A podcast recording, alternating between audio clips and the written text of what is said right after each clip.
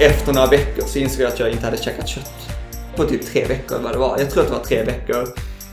Och, vilket var en ganska chockerande upplevelse för att jag älskar kött. Och jag älskar hela den, för mig var det allt. För mig var det höjden av gastronomi, var ju att kunna frossa i de där ostarna och allt det där fina och dyra som jag inte hade råd med, men du vet, tanken på det. Uh, och helt plötsligt så vände det, för det var liksom helt nya smaker, helt nya rätter, helt nya ingredienser, helt nya tillagningssätt, helt nya rätter. Allt sånt där var nytt, vilket var väldigt härligt.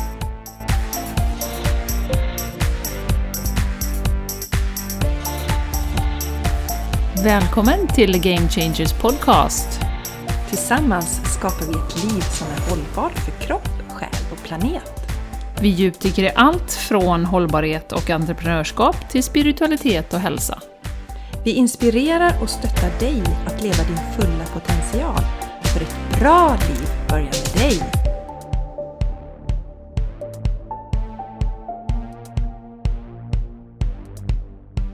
Hej och varmt välkomna till The Game Changers Podcast. Jag heter Jessica Isigran och med mig har jag Jenny X Larsson. Ja. Och idag har vi haft en oerhört inspirerande gäst här hos oss på podcasten. Det är en kille som heter Mattias Kristiansson. Och han är grundare och chefredaktör för tidningen Vego. En tidning som finns i vårat hem och som har inspirerat oss jättemycket. Och inte nog med det, han har gett ut sju stycken böcker. Varav den senaste är en bok som innehåller 1700 recept som heter Det veganska köket. Mm.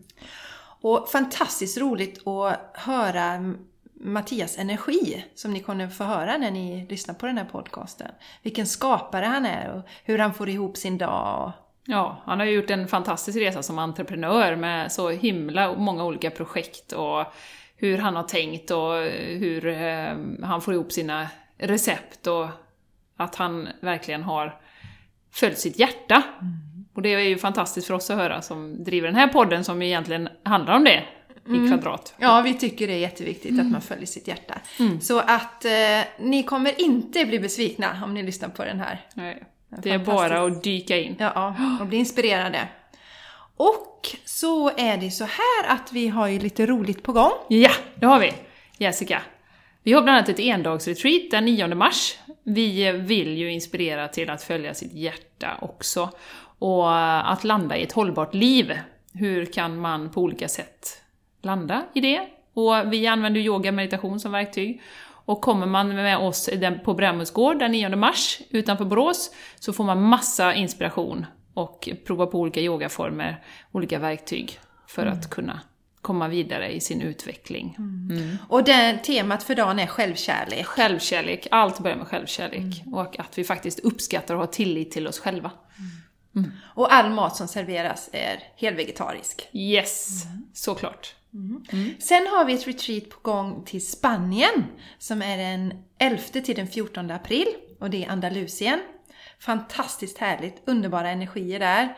Härligt yes. ljus. Eh, så där, då blir det lite mer eh, tyngd i det eftersom det sträcker sig över ett antal dagar. Yeah. Vi har återigen, eller samma upplägg som vi brukar ha på våra retreat, att det är yoga, meditation, det är samtal och även naturligtvis växtbaserad mat. Och mm. på den här retreaten i Spanien så har vi med oss Maja, som är även kallad Gröna Maja, som faktiskt har varit med här på podcasten. Två, av, två tillfällen har hon varit gäst. Yes. Så gå gärna tillbaka och lyssna på det om ni inte hört. Hon lagar all den här underbara maten. Så yeah. det kommer bli helt fantastiskt. Ja. Och för att vara med på de här roliga tillfällena så kan man antingen gå till min hemsida jessicaisigran.com och titta under retreats och eh, ja, precis där hittar man retreaten, men man kan även hitta dem på din hemsida, Jenny. Mm. Rafseryd.se mm. Yes, så det är bara att kolla in. Ja, och vi länkar till dem i anteckningar till det här avsnittet också. Självklart. Så då kan ni bara gå dit och klicka er vidare. Jajamän. Och nu när vi har haft Mattias här då, innan vi dyker in och släpper in er på den här intervjun med Mattias, så har vi fått förmånen att få eh, hans bok Det veganska köket signerad. Så vi kommer lotta ut den. Och då, för att vara med och, i den utlottningen så behöver du gilla våran sida på Instagram, The Game Changers Podcast. Du ska följa Ja, oss på Instagram. Ja, just det. Är det Facebook man gillar? Ja. Ja, det stämmer. Ja, men det stämmer. Ja, Ja, följ ska- oss på Instagram och sen tagga. Vi kommer ju lägga upp ett eh, inlägg med den här boken, så tagga två personer där också som kan hitta till vår podcast och så, så blir vi jätteglada. Och då är du med i den här utlottningen. Eh, så att gör det. Och eh, jag eh, tror vi ska ha en sista datum på det också. Just det. 15 mars kan det vara någonting, för det här Det kommer ut 1 jättebra. mars. Så ni får två veckor på er. Så tagga och var med och dela och sprid det här budskapet och att fler hittar till vår podcast. Ja, och när ni kommer då till The Game Changers Podcast, som våran Instagram heter, så leta reda på det här inlägget då. Ni går till våran profil och så ser ni inlägget, då kommer vi ha en bild på den här boken Det veganska köket. Yes. Så leta fram det och där går ni alltså in och taggar Ja. Två personer. Så vi kan hitta vilka det är som är med, helt enkelt. Så var med på det! Det, kommer, det är en fantastisk bok. Och eh, ja, ni kommer njuta av det här avsnittet. Så varsågoda, här har ni avsnittet med Mattias.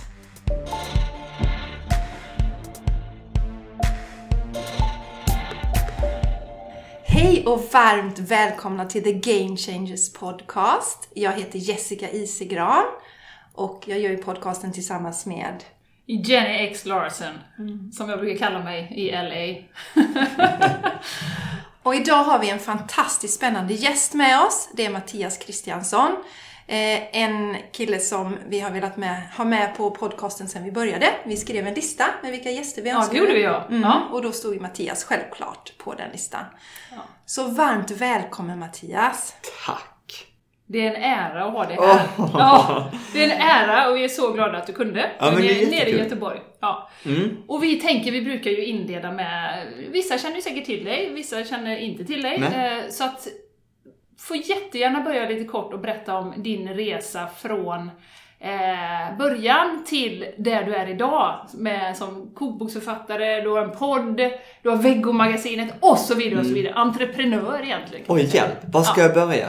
Ja, nej men jag tycker du ska börja från eh, liksom det här skiftet kanske, när du började med entreprenörskap Okej, säger. men det var ju när jag var, hade blivit vegan.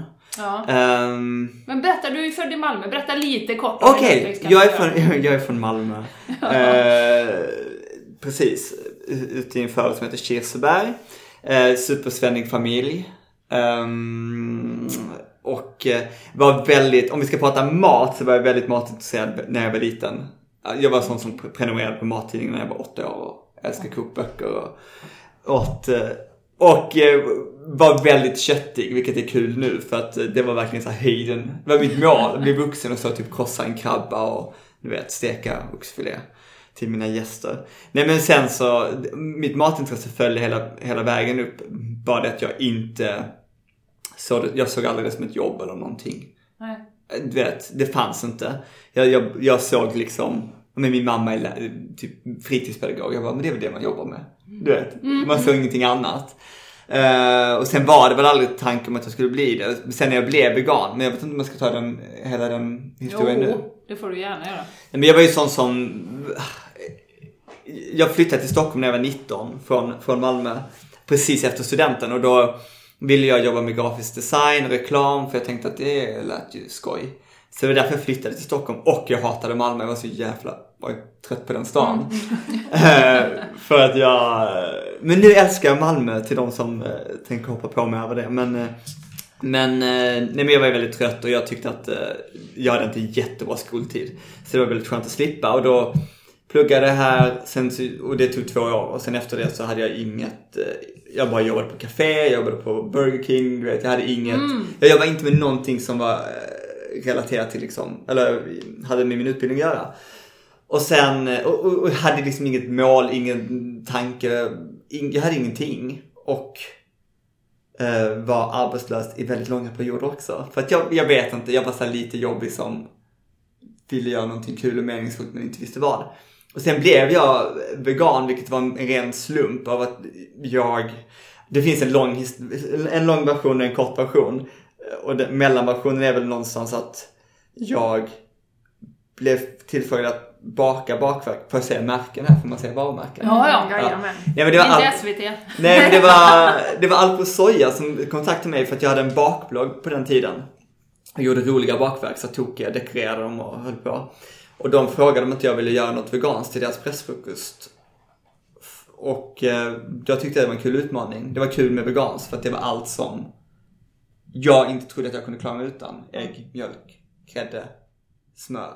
Allt sånt där. Jag tänkte, men det här är kul. Så jag gjorde det var på den, den eh, pressfrukosten och så sa de, men sätt dig ner och lyssna. Och då hade de en presentation om, eller en sån här dragning om hur kött och mjölkindustrin eh, förstörde ah, miljön och klimatet. Och då kände jag så här, och det var någonting som klickade. Jag hade väl haft någon så här tankar på det innan. Det var lite, lite klimatångest antar jag. Och det, och det var där det började med att jag sa, okej men på måndag kör jag en, en köttfri måndag som alla andra. Och, och jag körde veganskt också för det, jag, det bara kändes som att, du vet, inga halvmesyrer, nu kör vi hardcore från början. Och så bara blev det att, det var ingen tanke på att bli vegan. Jag bara tänkte, men vad fan, vi har lite mat över, det kan jag äta på tisdagen. Och då hade jag hittat ännu fler recept. Så då fortsatte jag laga mat för att det var en väldigt kul värld som öppnades. Speciellt, jag, jag var väldigt matintresserad och jag var inte, jag var inte låst vid det jag tyckte att man skulle ha egentligen. Jag tyckte att det var kul med utmaningar. Så jag började laga mer och mer mat. Och eh, efter några veckor så insåg jag att jag inte hade käkat kött. På typ tre veckor eller vad det var. Jag tror att det var tre veckor. Och, vilket var en ganska chockerande upplevelse för att jag älskade kött. Och jag älskar hela den, för mig var det allt. För mig var det höjden av gastronomi. var ju att kunna frossa i de där ostarna och allt det där fina och dyra. Som jag inte hade råd med, men du vet, tanken på det. Eh, och helt plötsligt så vände det. För det var liksom helt nya smaker, helt nya rätter, helt nya ingredienser, helt nya tillagningssätt, helt nya rätter. Allt sånt där var nytt. Vilket var väldigt härligt. Plus att man börjar läsa mer. Det är också en sån grej, vi, kan, vi ska prata om det här sen kanske. Förlåt, jag bara pratar Nej, på. nej, prata på. Nej men alltså just att det är så mycket som förändras när man, när man slutar äta animalier. Så börjar man också fundera på vad det är man faktiskt åt. Och då eh, började läsa mer, jag började läsa mer om hälsofördelarna, jag började läsa mer om klimatet och jag började läsa mer om djurindustrin. Och då till slut kom man till en punkt där man bara, fan. Men jag äter jättegod mat eh, som är bra för mig, som är bra för andra. Varför ska jag gå tillbaka till det där hemska? Eh, och det var då vi blev, jag och min man blev veganer. Och det var, det var ingen tanke heller. Det var inte så att vi sa nu blir vi veganer. Det var mer, vi äter det här. Vill vi äta kött så gör vi det. Men det har ju gått sju år så att det har inte hänt. Men i alla fall, och det var efter jag blev vegan som jag kände att nu måste jag, som alla andra, som ni också, måste berätta det för alla andra hur fantastiskt det är. Jajamän. Ja. Och då, ehm, och då började jag först med en blogg. För jag tänkte, för det kunde jag, det var billigt och det var kul. Och det hade jag ett tag och sen så kände jag att jag var också arbetslös. Så jag var så här, fan det är nu jag borde göra någonting. Och då ville jag ge ut en tidning. Och först hade jag en vända med ett förlag som kanske ville ge ut den och det blev ingenting och det var bara skitirriterande. Och då sa jag, men fan, då gör jag det själv. Och så sa jag till Jonas då, min man, jag bara, kan inte jag få göra en tidning? Du vet, vi kan bara stå ut ett tag till. Och så sa han, eh, om, jo men du, okej du får göra det, vi kan leva på, vi kan leva liksom på en lön och bara få det att funka. Men om du inte har lyckats till du är 30 så får du skaffa dig ett vuxenjobb. Så det var liksom, eh, ja. Den är härlig. Ja men det var bra. Ja. Och, då, och så körde jag på det. Men jag vet inte vad jag ska berätta om det. Jag kan, det känns som att jag kan prata i flera timmar om det. Men det var så tidningen startades och sen eh, och det var då första boken kom och allting kom liksom samtidigt. Men jag är jättedålig på att styra det här. Men hur finansierade du tidningen i början då? Eller var det Jonas som Jag är väldigt rika föräldrar. nej, det är det som är så frustrerande. Nej, nej det var... ehm, jag, min första bok var en bakbok. Den var inte vegansk, men den var, det var den första boken jag släppte på ICA Bokförlag. Och då fick jag ett förskott. Och då ringde jag för äh, tryckeri och sa, hej, hur många... Jag har de här pengarna. Hur många tidningar kan jag trycka? Och så sa de 3000 tidningar, så det var det första jag gjorde. Och jag måste backa lite. Va? Så den första kokboken var alltså inte vegansk? Nej. Är det den där Bake My Day? Det Bake My Day. Jaha. Jag, jag blev vegan under den, det bok, den boken. Så på, det är så kul för att jag blev vegan då. Och sen ehm, på, eh, vad heter det, bokreleasen, vi hade en fest. Så gjorde jag, jag bara veganiserade alla mina egna recept och bjöd på det. Men, eh, nej, så, att- men det var, på ett sätt var det bra för att det var så jag kom in på ett bokförlag. Så nästa, nästa bok skulle ut liksom och de bara, men vi vill göra en bok till. Jag bara, men jag är vegan, det måste bli veganskt. Och det var ingen egentligen, det var inget stort förlag som hade gett ut veganska böcker. och Speciellt inte ICA. Så de bara, men det är klart vi gör det. Så att det var, på något sätt var det ju bra. För det, jag fick in en fot i branschen. Men allt är väldigt bananskaligt för mig. Alltså jag har verkligen halkat in lite överallt. Det är inte så att jag haft ett tydligt mål. Jag bara, jag ska dit och ingen kan stoppa mig. Utan, Ja. Ett mål har du haft och det är ju att det ska vara roligt. ja. Det är någonting som Jenny och jag pratar mycket om. Det här Okej. med att vi har så mycket sanningar. Vi ska göra på ett visst sätt. Vi, vi ska följa, vi ska utbilda oss, vi ska skaffa Mm. ett jobb. Men vi pratar mycket om det här att följa, följa hjärtat Ja. och verkligen göra saker som man brinner för. Mm. Och där är du ett slående exempel på vad du har skapat. Mm. Nej, men jag är, jag är, det är också en sån grej som när jag var yngre. Jag växte också upp med typ Big Brother och, och Baren och alla de här dokusåporna kom ju då när jag var ung. Högkvalitativ TV. Jo men du vet allt handlar om att bli känd och snygg. Så att Ja, menar, när jag var ja. ung var det liksom, okej jag ska bli vuxen och så ska man bli känd och så ska man tjäna jättemycket pengar och det är det enda som betyder något. Ja. Sen ju äldre man blir, och speciellt sen jag blev vegan, för då fick jag perspektiv på livet. För man såg livet på ett annat sätt. Och då var det dels, bör man ifrågasätta framgång vad det är. Och det är inte, alltså vi kan prata om det här i timmar, hur irriterad jag är på att alla företag satsar på att maximera vinsterna. När det är så här, du kan också bara göra en bra produkt eller göra någonting bra för andra eller vad det nu kan vara. Och så behöver det inte handla om, det är klart att man ska ha pengar att gå runt med och man ska ha en lön och hela den biten. Men måste det alltid handla om att maximera? Nej, det behöver det inte göra. Och sen också att lycka kanske är andra grejer än att bara ha en fin titel. Så att, eh, så att jag menar, när jag verkligen drivits av lycka och glädje och det var det som var frustrerande när jag var yngre för jag visste inte vad det var. Du vet, det var, jag menar, jag hade ju jobb, jag hade bra kollegor. Eh, men jobbet i sig gav inte mig lycka. Sen är det klart att jag, menar, jag har ju aldrig jobbat så mycket som nu. Och jag menar, men det är väl det området jag jobbar på nu, att kanske hitta balans där. För det är mycket som spelar in. Men, eh, nej men det är viktigt och jag, jag, nu är man så här bortskämd som driver eget. Och man träffar andra som inte har friheten och inte har liksom startat något eget. Det blir en annan känsla. Mm. Så det, det, ja, det är lätt för mig att säga. Jag, jag tänker, tänker skrivandet. Ja. Det sitter jag och tänker på. har ju alltid varit en del av böcker och Ja. blogg och eh, tidningen nu och så. Mm. Har det alltid följt med dig att skriva eller har det bara liksom poppat upp nu? Det var det enda jag ville när jag var yngre.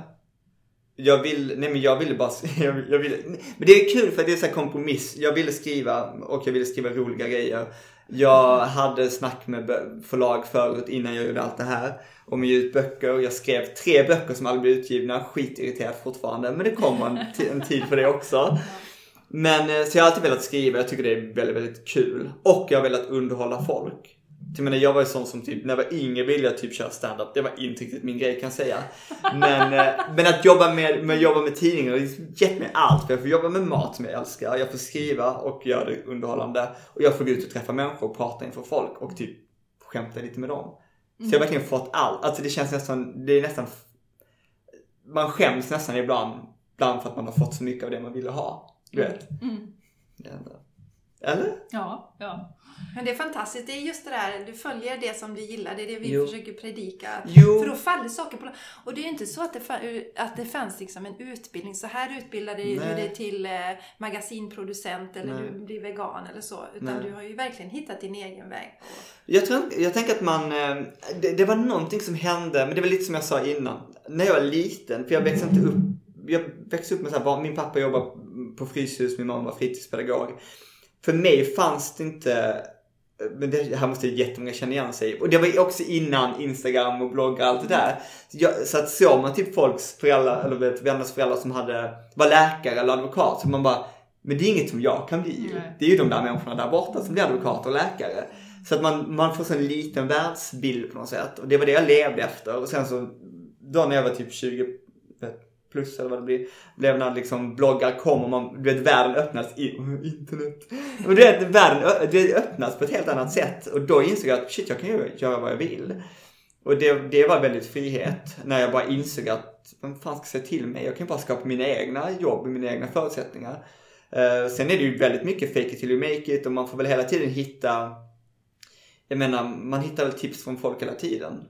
Menar, det jag inte kan, jag menar, jag, jag minns fortfarande när jag fick höra från någon så här entreprenör, jag läste en intervju bara, om du inte kan någonting, hitta någon som kan det. För jag har hela tiden tänkt att jag måste lösa allting själv. Men, eh, och, men det finns ju alltid folk, folk som kan saker du inte heller kan. Och det är väl de man måste hitta. Men, Vad var frågan? Var, var det en fråga ens i botten? Nej, det var det inte. Du börjar med skrivandet. Ja, skrivandet var det. Ja, och sen- ja, det var det jag var precis. nyfiken på. Ja, ja. Nej, men precis. Nej men det, det var nog det att, ja, när vi pratade om, om någonting om att det var, ja. Men du har ju ett oerhört driv eh, ändå, får man ju säga. Eh, vad liksom ligger bakom det? Vet du det? Eller liksom vad, vad det är som driver dig? Eller är det bara att följa den här goa känslan med vad du tycker är roligt hela tiden? Är det Alltså, som- eh, men tidningen är ju väldigt mycket att, eller jag vill ju inspirera folk att göra bättre val. Och du, du är ju bara maten som gäller för mig så att jag vill att de ska testa mer växtbaserat och bara skippa alla de där, i alla fall skära ner väldigt mycket på animaliska produkter. Så det är väl det som driver mig väldigt, väldigt mycket. Ehm, och hela tiden försöka hitta tomrum. Så var det med tidningen och så var det med böckerna. Att hitta något tomrum. Och sen så har det blivit mer och mer. Jag insåg ju inte från början att, att jag var en personlighet. Du vet, jag har hela tiden varit väldigt bekväm bakom en dataskärm också. Men att nu har jag börjat se mer och mer att shit, jag kanske ska ut och snacka bland folk. Så det är mitt nästa steg. Eh, för att man vill ha ett ansikte mer. Det är därför vi kör mycket videos också. Man, folk vill se vanliga eller en liten galen människa prata om vegomat. För det är lite avdramatiserande.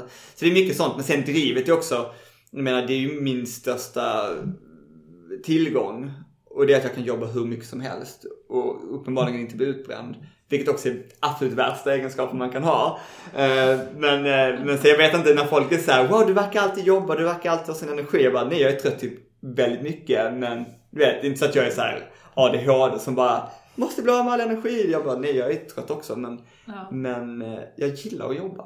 Mm. Men jag vet inte om det, och det är inte alltid, förlåt, men det är inte alltid kul. Men jag gillar att ha, jag gillar, jag, jag gillar att, jag tror att det mycket sitter i skallen också ju. Ja, ja. Jag kan inte gå runt och fokusera på att det är tråkigt ibland. Det är Nej. mycket härligare att säga att det är kul hela tiden. Mm. Det blir en verklighet. Det blir Absolut. sanning till slut. Ja, ja, visst. Underbart. Jag pratar med, med en mental tränare här, så att det... Ja, men okej. Ja, men- absolut, Ja. absolut. Så är Nej det. men jag tror jätte, jag menar, det kan man ju applicera på allt. Jag menar, jag tänker också på att vi lever också sån tråkig tid där man fokuserar på dåliga grejer. Mm. Och folk, jag menar nu, nu är det ju jättemycket psykisk, mycket psykisk ohälsa och jag menar jag känner också så här, shit, borde inte jag trilla dit snart? Mm. Men jag tänker att mycket sitter, det här är också väldigt förenklat, men, men det är väldigt lätt att dras med av negativt tänkande. Jag tror att mycket kan man man kan programmera. Hjärnan är by the way inte så smart som man tror. Den är ganska lätt att programmera. Ja. Man må- måste bara... Mm. Ja. Men, eh, hur, hur fungerar det medvetet? Är du med, mediterar du eller något sånt där? För att du blir medveten om vilka tankar som snurrar runt i huvudet på dig? Nej, men jag, jag är sån som analyserar varenda jäkla tanke jag har. Det är mer sånt. Och, men det, det är både när jag är glad och inte glad. Ehm, så att jag försöker gärna bryta ner det. Typ om jag mår dåligt. Eller, alltså jag vet inte om jag mår dåligt så jätteofta. Jag har också väldigt bra stöd i min man som är typ den minst bekymmerslösa vad? Eller Den mest bekymmerslösa personen någonsin som aldrig har mått dåligt hela sitt liv och som alltid är glad. Så det är väldigt lätt att typ ta del av det. Men, men jag försöker alltid att bryta ner. Alltså om, om jag mår dåligt eller om jag har typ en orolig känsla i magen så försöker jag alltid bryta ner det. Och sen när, när man har jobbat med tidningen också så blir det att, som jag minns i början hur sjukt stressad jag kunde vara. Alltså första året var som katastrof, jag var så stressad och jag tänkte att det här funkar inte. Sen insåg jag att, om just det, jag är stressad för att jag, det här är typ mitt liv. Det här har blivit, det här har blivit mitt liv. Och det är fel att tänka. Så då tänker jag så här, det här, får inte, det här jobbet får inte definiera mitt liv. Det här kan ju omöjligt vara det viktigaste i mitt liv. Alltså det är ett väldigt bra redskap för allt jag vill göra men om det går åt helvete, vad fan. Det kan inte vara det värsta. Underbart, så det var ditt sätt att avdramatisera. Det var- Och då blev du av med den här stressen i magen också. Ja. Mm. Nej, men, och jag vägrar stressa upp mig. Och, det, och, och jag vet inte, det, det har jag bara bestämt mig för. Jag vägrar stressa upp mig för att det är lite den grejen, det var min mamma som sa det någon gång också. Hon bara, alltså, vad fan gör du om du inte svarar på mail en vecka? Jag bara, nej det är sant. Alltså men det är ingenting som kommer Sitter- falla. Ja. Så jag tänkte, och bara att ha den tanken i huvudet gör det lätt för mig att jobba på hur mycket som helst. Mm, mm. För att det är ofta stressen som får en att falla. Men, eh, nej men jag har ingen mental träning. Jag har inget sånt. Och jag, och jag gick på en sån här introduktionskurs till eh, TM, heter det? Som Ja, transcendent. Men jag, jag har, ett, jag gillar inte gruppgrejer. jag tycker jag blir sjukt stressad av att sitta där med 30 människor som alla ska berätta om sitt liv. Och sen var det också, eh, var det också, jag, jag, det var för mycket ayurveda. Jag är emot sånt där flum liksom. Även om det kan vara intressant. Men du vet, jag minns i pausen skulle vi välja te efter vår personlighet. Jag bara, jag klarar inte av det här! Så, så jobbigt. Men jag tror att meditation skulle vara bra för mig. Nu blir det rött där när du skriver. Ja, förlåt. Nej, jag skojar. Men jag tror att det är bra, för, jag, har inte kommit dit. Nej, nej. Men jag tror att det är jättebra. Det finns en jättebra podcast som heter Game Changers. De har nämligen lite meditationer och Ja. sånt som du kan lyssna på. Men jag, alltså det är min, nej men det står på min, eh, det stod på mitt nyårslöfte att jag ska börja meditera. Men jag vill, jag, men det kan jag fråga er om sen för att jag vill hitta en bra sätt att göra det. Ja. Ja, jag är ju jag är meditationslärare så du kan ju kontakta mig. Ja. Så du, men på riktigt? jag dig. På riktigt, seriöst alltså. Jag har det som en Jag tror att det är, jag är helt övertygad om att det kommer, eh, vad heter det, hjälpa på så många plan. Men du är ju på det, alltså för en del av meditationen, pratar vi lite meditation, jag Ja. älskar meditation. Eh, Det är just det här att bli medveten av sina tankar. Och det är ju jätteintressant att du har den medvetenheten, hur du bryter ner det. För precis som ni sa, så stress blir ju farlig om den är omedveten. Men du bryter ner den och du blir medveten om du lägger den åt sidan. Jättehäftigt. Ja. Nej men det, ja, nej men jag tror det, men det är också, det är ju inte bara, ta- alltså, jag menar, jag bryter ju sönder allt ju. det är bara mitt sätt att leva. Men ja, det är intressant. Det är också intressant, jag tycker också det är kul med hjärnan.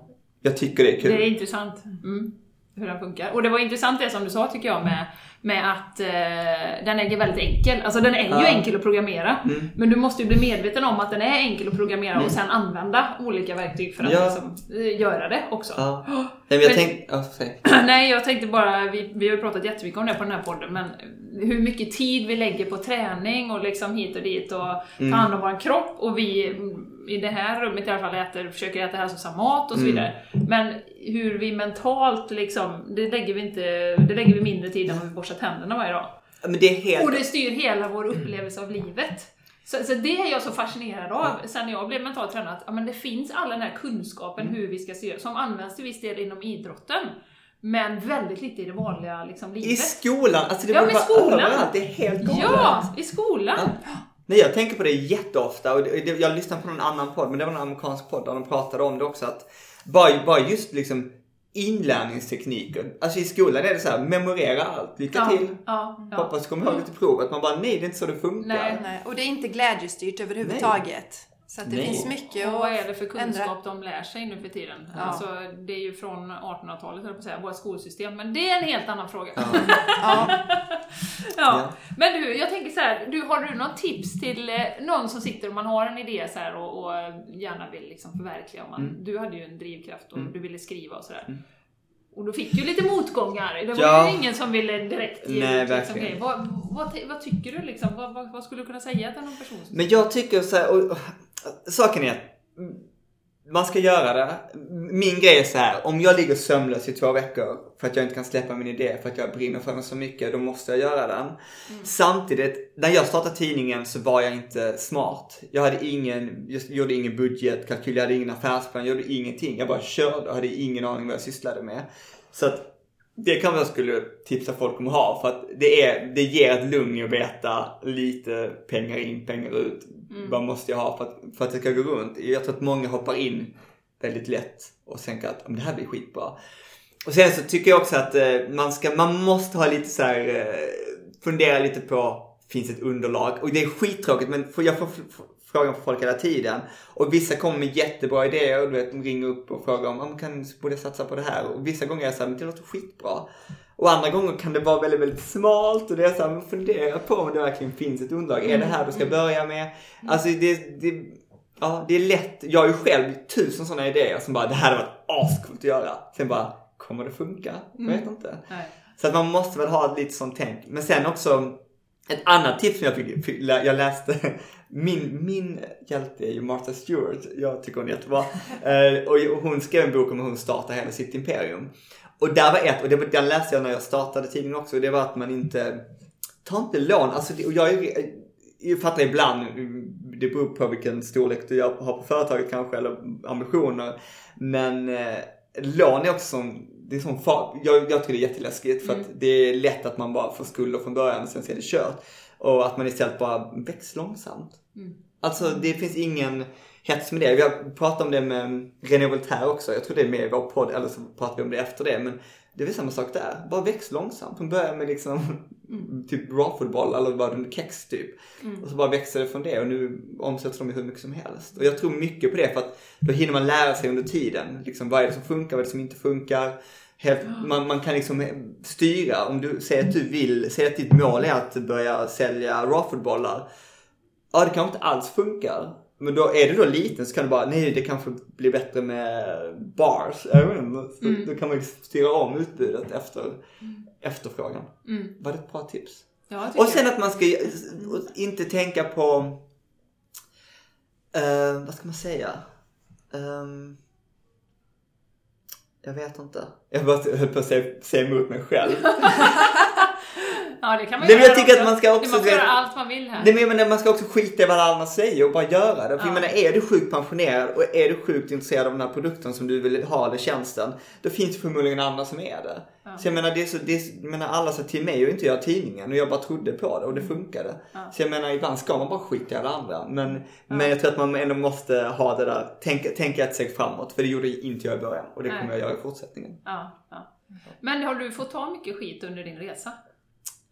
Alltså inte så mycket som jag brukar Eller kritik, eller det där är ingen bra idé, eller alltså... Alltså jag är mina klassiska, alltså då, då när jag var runt på förlaget innan, då när, in, innan jag startade själv, då, det var det enda de andra tidningarna sa.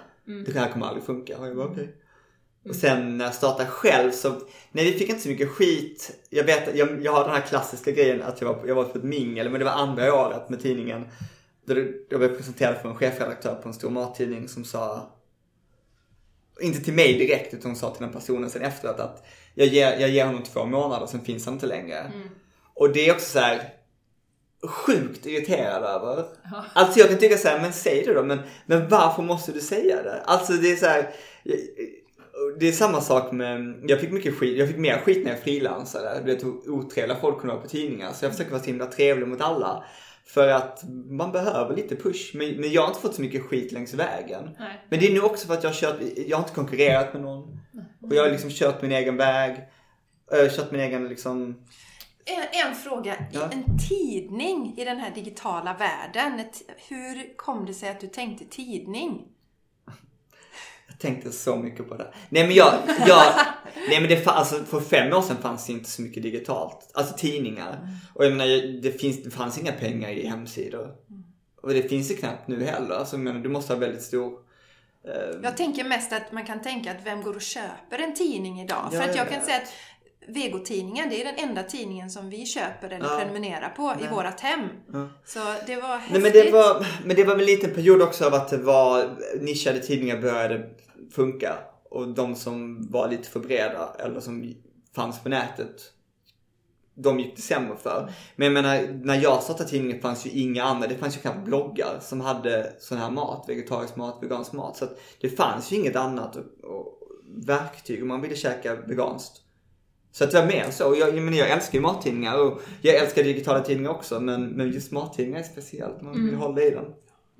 Men, jag menar, men däremot så tänker jag på det här. Jag tänker på det hela tiden nu. Alltså jag menar, det, det kommer inte alltid vara en papperstidning. Det är ju helt, det är helt orimligt.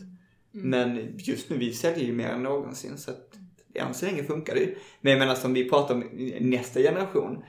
De, tar inte, de köper inte en papperstidning. Så att vi får se. Men jag menar det var också sån grej, förlåt, det var för att ni ger mig en timme så kan jag prata hur mycket som helst. Men, jag lyssnade på en, en intervju typ förra året med, med Martha Stewart igen då. Men som var först med digitala tidningar och det var liksom 15 år sedan. Med en digital mattidning. Och då var hon så här, men nu jäklar kommer det vända. Första året hade de 4% digital försäljning, resten var papperstidning. 15 år senare var det 4%. Så att jag menar, det är, jag vet inte om jag håller med om att eh, det är digitalt på många sätt, men inte, allt är inte digitalt. Ja, häftigt. Ja, vi får se. Alltså jag, jag, jag bara tänker att man hela tiden måste hänga med. Men det har blivit digitala med att vi har videos, vi har podd och vi har eh, Instagram och vi har Facebook och allt det där. Eh, och jag tänker att man, så länge man bara är rörlig och bara vill hänga med och följa med så, så kan man nog. Ja, men uppenbart så är det ju rätt, för det är ju en tidning som växer. Tidigare var det den som växte snabbast av alla tidningar. Ja. Är det fortfarande så, eller? Ja men mattidning absolut. Ja. Vi var de den nästan som växte näst mest nu senaste mätningen. Men av alla Det, men så att det, det känns, ja, Mm. det känns så här surrealistiskt. Men det är också väldigt kul. Eh, och det är väldigt roligt också för att jag menar, jag har ju blivit kontaktad av så många förlag, tidningar som bara vill att man ska prata om så här, men hur lyckas ni? Och jag har aldrig något jättebra svar för jag menar, det, jag, menar jag är inte sån jag är inte sån här tidningsmagnat som bara nu ska jag lära er hur man driver en tidning. För att det är så här, men vi, vi gör, gör en tidning som jag vill ha, som är kul, som har god mat, som folk vill ha och folk vill äta den här maten. Och vi, jag tror att jag försöker paketera det på ett väldigt underhållande sätt och väldigt lättsamt sätt.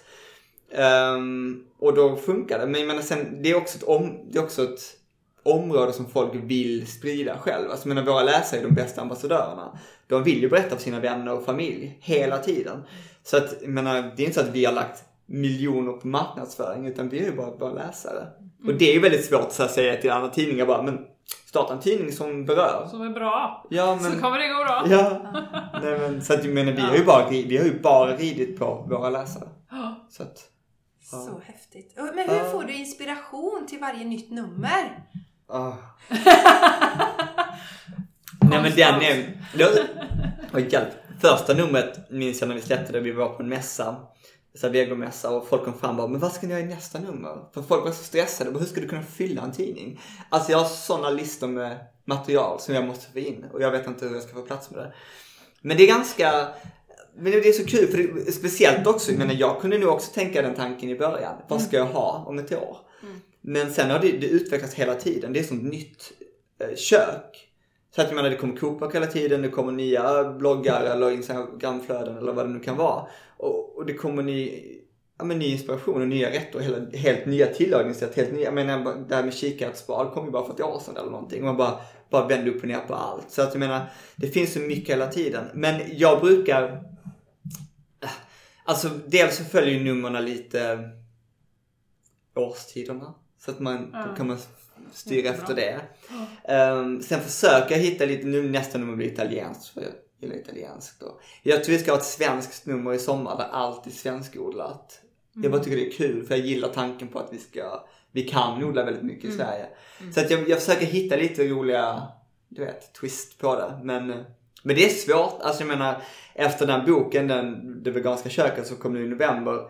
Där, efter den var jag helt dränerad på recept. Jag bara, hur fan ska jag kunna ställa mig i köket nu? 1700. Ja, så att det är ju väldigt så här, det är ju inte, det är inte alltid lätt och det är väldigt, eh, ja, man blir väldigt dränerad. Mm, mm. Ja. Det var skönt att höra för Jenny och jag brukar prata om det att vi är så jätteglada om vi byter ut en ingrediens i ett Ja, recept. nu tog jag gul lök istället för rödlök. Ja. Åh! Jag, måste, se- jag måste lägga ut det på Insta! Man bara, vilka färger! Vilka färger jag har skapat här! Enormt intresserad just av ditt ska, din kreativitet. Eh, Martha Stewart verkar ju vara en inspiratör för dig. Vem mer inspirerar dig och vad inspirerar Jag dig? har, jag, nej men jag har inte så många inspirations... Alltså jag gillar mer, jag gillar folk som... Eh, nej men jag, jag har inte personer egentligen. Alltså jag, jag vet inte riktigt vad jag får... Jag hämtar mina citat från olika personer som jag, som jag gillar. Martha Stewart har jag gillat bara för att hon är så self-made. Och det, jag, och det handlar om området som jag jobbar med. Och att de hela tiden har eh, hängt med. Liksom legat, alltid legat före. Och det är väldigt så inspirerande. Det är så här 76-årig kvinna liksom. Som ändå sitter där och twittrar och instagrammar och är allt som är digitalt. Och Cool. hon säger också att du, när, när du slutar förändras då är du, då är du slut. Ja. Så att det har jag med mig hela tiden när man är som tröttast. Man bara måste upp med den här Insta-storyn. Man måste, man måste hänga med. Man måste tycka att det är kul annars hitta på något annat. Ja. Men annars, nej men jag, det kommer väl nya människor hela tiden som jag inspireras av. Jag, jag gillar, vi pratar med Erika Frost som har Open New Doors. Hon är sån som inspirerar mig för att hon eh, gör den, exakt den typen av mat jag gillar. Och, men hon gör det väldigt bra. Och jag gillar, eh, det finns många, alltså Caroline Jönsson som skriver i tidningen varje nummer som nu har någon självhushållnings eh, Instagramkonto och blogg. Jag gillar det också. Jag gillar när man tar, hon tar väldigt mycket svenska råvaror men gör liksom mat från hela världen. Jag gillar folk som gör grejer, ja, gör lite, ja, har en twist på det. Mm, mm. Men, ehm, och där det, där det är liksom matglädje. Jag är lite trött på att mycket, mycket mat nu handlar så mycket om annat än att det ska vara gott och, och glädjefullt. Utan det var väldigt mycket, antingen ska man äta det och, och må lite dåligt av det. Typ att jag gör ju det här för att det är bra. Men kanske inte för att det är gott eller, eller att det ibland handlar om bara hälsa och det ju, finns ju ingen värre krydda än att man då, alltså äta det för att man tror att man ska dö imorgon om man inte äter det. Eller att, eh, ja, men det, eller att det bara är teknik. Eller att det bara blir, eh, du måste fira de här olika beståndsdelarna annars så mår du bra. Jag vet inte, det är, Ja. liksom, det är så mycket. Man tar det, bort lusten menar du? Ja, det blir liksom ingen njutning kvar. liksom. Ja, jag tycker att det ska, Ja. men du kan, du kan kombinera allt. Ja, ja. Men folk vill alltid sålla bort det där härliga som... ja. Jag var jättedålig på att eh, formulera allt det där. Det var jättedålig formulering. Men, men jag bara, det, det har försvunnit för mycket njutning för mig. Och jag menar inte att man ska äta onyttig mat. Jag äter inte onyttig mat till vardags. Men jag äter god mat och jag äter kul mat. Och jag tycker att det måste finnas den här glädjen. Annars är det inte värt det. Och jag tycker det är så tråkigt. Jag menar kockarna satsar bara på teknik. Du vet, de vill bara imponera med tekniken. Jag bara, men vi vill att maten ska vara god. Vi, vill, vi vill lämna och tycka att det här var ju en jättenice måltid. Inte att du eh, hade någon jävla sous vide i 48 timmar. Jag bryr mig inte om det. Eller, eller, eller mat när folk bara bryr sig om, du vet de där superfooden. Och jag bara, men okej. varför äter jag det här? Ja. Är det för att det kommer förändra mitt liv? Förmodligen inte. Nej. Men ja, Mm. jag vet inte. Om det var svar på någonting. Glädjen är ju väl en jättebra krydda. Ja, men folk- Det är det som lyser igenom i din tidning. Ja, Det är inga pekpinnar, det är glädje. ja. Ja, precis. Men jag tror det är, jag menar det är ju det. Folk kompromissar inte, folk kompromissar inte med smak. Så det är väldigt svårt för folk om inte maten är god. Och folk kompromissar inte om det inte känns kul. För att, jag menar, har det, jag menar, hur många, jag vet inte hur många som står och dansar framför spisen så en, en tisdag kväll när de ska laga mat. Men, men om de gör det så är det ju härligt. Och det är väldigt, eh, ja, det är väldigt mycket slentrianmatlagning. Och då är det väl ännu svårare att göra ett skifte. Du vet, om man inte tycker det är kul till att börja med så är det väldigt svårt att ändra om sin kost. Men du, vi började ju prata om det när, du, när ni blev veganer från början. Eh, med eh, hälsoskäl var ju det framförallt då.